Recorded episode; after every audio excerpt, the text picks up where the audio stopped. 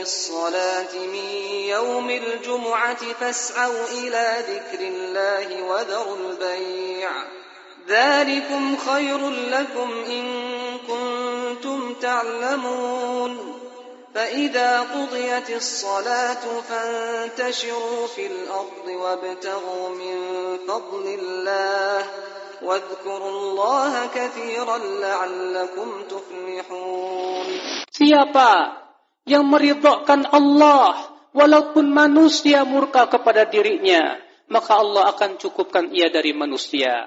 Sebaliknya siapa yang mencari keridhaan manusia dan ternyata dia korbankan keridhaan Allah kepada Innal hamdalillah nahmaduhu wa nasta'inuhu wa nastaghfiruh wa na'udzu billahi min shururi anfusina wa min sayyiati a'malina man yahdihillahu fala mudilla lahu wa man yudlil fala hadiya lahu وأشهد أن لا إله إلا الله وحده لا شريك له وأشهد أن محمدا عبده ورسوله. قال الله تعالى في كتابه الكريم يا أيها الذين آمنوا اتقوا الله حق تقاته ولا تموتن إلا وأنتم مسلمون. وقال تعالى يا أيها الناس اتقوا ربكم الذي خلقكم من نفس واحدة وخلق منها زوجها وبث منهما رجالا كثيرا ونساء. واتقوا الله واتقوا الله الذي تساءلون به والأرحم. إن الله كان عليكم رقيبا.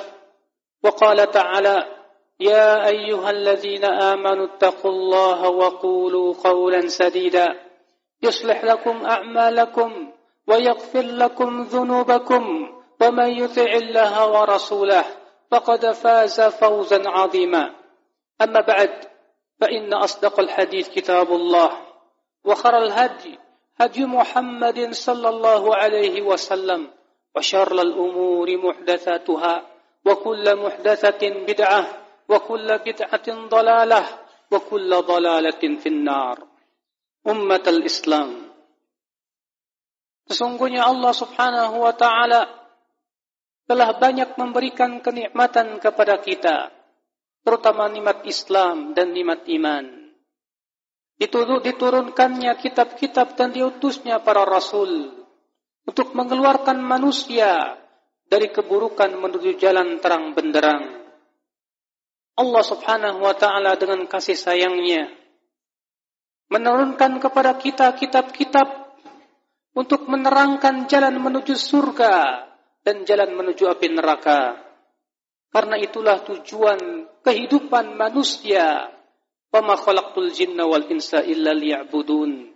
Tidaklah aku ciptakan jin dan manusia kecuali agar mereka beribadah kepadaku saja kata Allah Subhanahu wa taala. Umat al-Islam maka kewajiban seorang hamba untuk merealisasikan ubudiyah kepada Allah dengan mengikhlaskan amalan kepadanya. Karena sesungguhnya Allah berfirman, "Wa ma umiru illa liya'budu Allah mukhlishina lahuddin." Dan tidaklah mereka diperintahkan kecuali agar mengikhlaskan kepadanya agamanya ini. Naam ya akhal Islam, keikhlasan adalah sesuatu yang mahal harganya. Keikhlasan adalah sesuatu yang sesuatu yang luar biasa dampaknya. Seorang yang ikhlas akan diberikan oleh Allah Subhanahu wa taala kekuatan yang luar biasa untuk istiqamah di atas agamanya. Bukankah ketika iblis la'anahullah bersumpah untuk menyesatkan manusia, iblis memberikan pengecualian illa ibadaka minhumul mukhlasin. Kecuali hamba-hambamu yang diikhlaskan, kecuali hamba-hambamu yang diselamatkan dengan keikhlasan, dengan keikhlasan seorang hamba. Dia mengharapkan wajah Allah Rabbul Izzati wal Jalalah dia hanya mengharapkan pahala dari Allah. Seorang hamba diberikan ketegaran dalam hidupnya. Karena yang dia harapkanlah keriduan Allah semata. Dia tidak peduli dengan murkanya manusia. Asal Allah ridho kepada dirinya. Karena ia tahu Rasulnya bersabda, Man ardallaha bisakhatin nas. Kafallahu mu'nat mu'natan nas. Wa man ardan nasa bisakhatillah wakalahu Allahu ilan nas. Siapa yang meridhokan Allah walaupun manusia murka kepada dirinya, maka Allah akan cukupkan ia dari manusia. Sebaliknya siapa yang mencari keriduan manusia dan ternyata dia korbankan keriduan Allah kepadanya sehingga Allah murka kepada dirinya, maka Allah akan biarkan ia. Allah tidak akan tolong ia. Umat al-Islam, betapa tingginya keikhlasan bagi seorang hamba. Dengan kesok keikhlasan, umat Islam ditolong oleh Allah Subhanahu wa taala. Disebutkan dalam hadis bahwasanya ada seorang sahabat merasa dirinya mempunyai kelebihan di atas sahabat yang lainnya. Kemudian Rasulullah bersabda kepadanya, "Innama yansurullahu hadhil ummah bidha'ifiha bida'watihim wa salahihim wa ikhlasihim." Sesungguhnya Allah Subhanahu wa taala menolong umat Islam ini dengan orang-orang yang lemah di antara mereka dengan doa mereka, kesalihan mereka dan keikhlasan mereka. Keikhlasan bagi seorang hamba sesuatu yang sangat luar biasa akal Islam. Mahal harganya karena ia begitu berat sampai-sampai Sufyan Ats-Tsauri berkata, "Ma'alajtu syai'an asyadda minan niyyah." Aku tidak pernah mengobati sesuatu yang lebih berat daripada niatku meluruskan niat sesuatu yang berat karena syaitan dan bala tentaranya berusaha untuk menjadikan seorang hamba batal amalannya. Syaitan tidak suka ketika melihat hambanya ikhlas mengharapkan wajah Allah. Maka syaitan pun datang dengan berbagai macam warna-warni ria.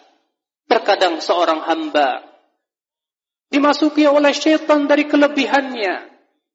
Ia mempunyai suara yang indah.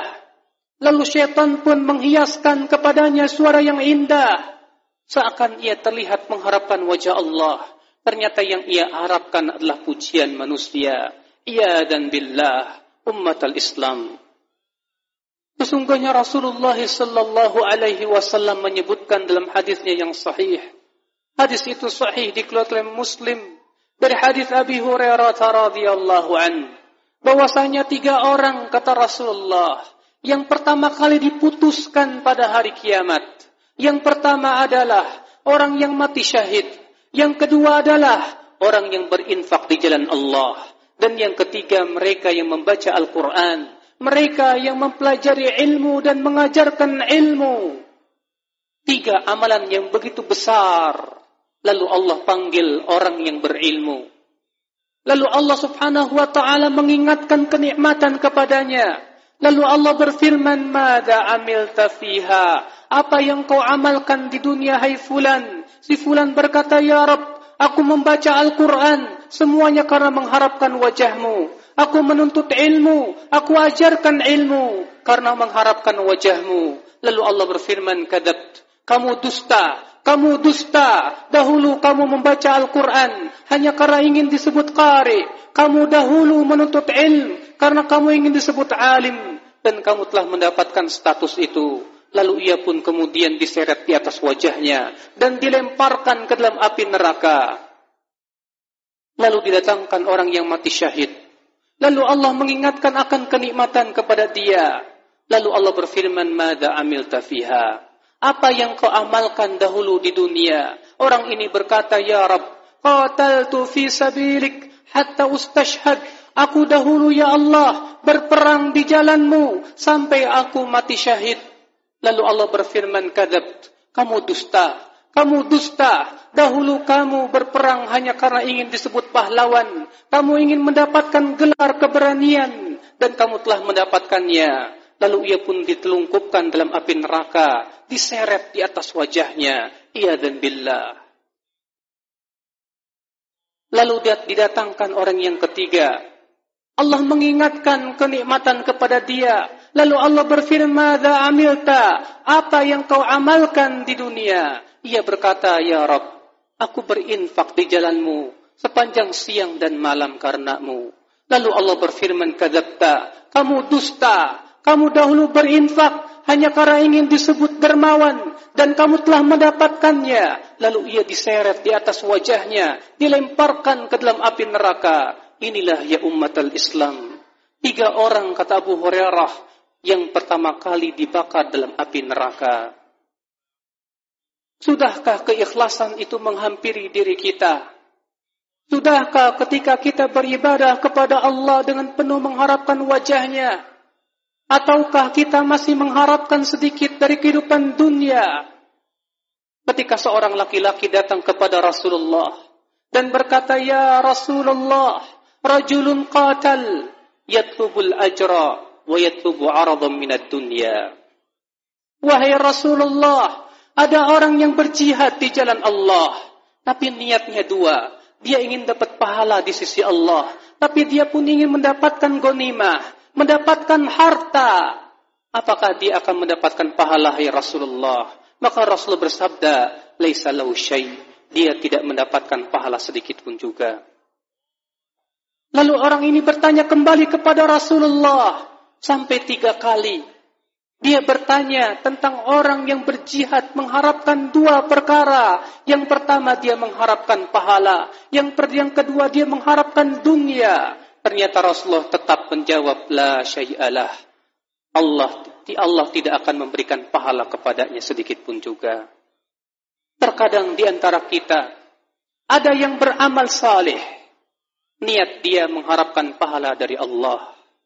Namun di samping itu ia mengharapkan dunia. Ia mengharapkan rezekinya diluaskan.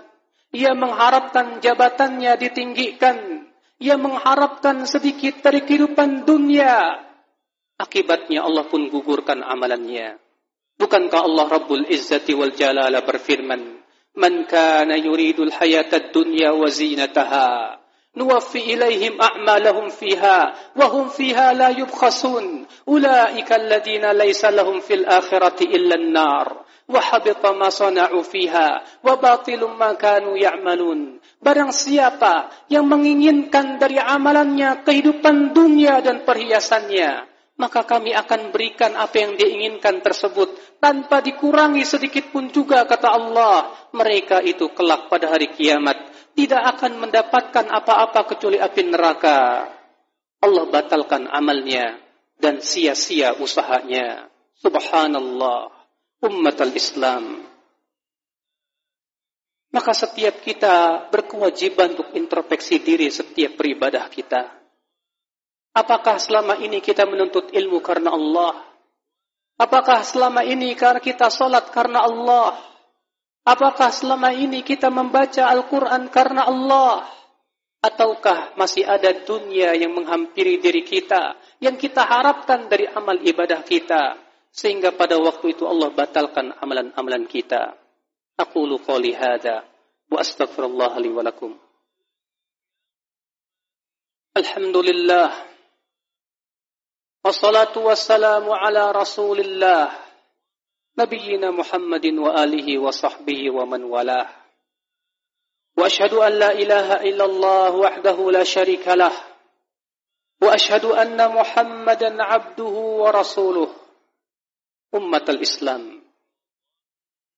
رسول kita yang mulia عليه الصلاة والسلام memberikan kabar gembira kepada umat Islam. Dengan kemuliaan, dengan ketinggian keteguhan di muka bumi dan pertolongan selama mereka ikhlas mengharapkan wajah Allah. Beliau bersabda, "Bashir hadhil ummah bis-sana'i war-rif'ati bid-din wat-tamkini fil biladi wan-nasr." Beri berikan kabar gembira kepada umat ini dengan ketinggian dan kemuliaan dengan agama, dengan keteguhan di muka bumi, dan pertolongan dari Allah Subhanahu wa taala.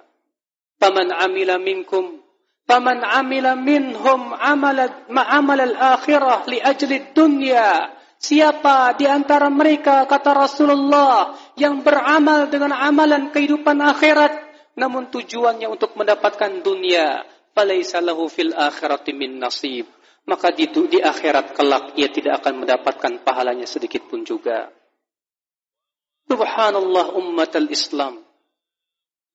Betapa pentingnya keikhlasan. Seseorang yang ikhlas, Allah akan berikan ketegaran di muka bumi ini. Seseorang yang ikhlas, Allah akan kuatkan ia istiqamah di atas jalannya. Selama ia jujur kepada Allah, maka Allah akan jujur kepadanya.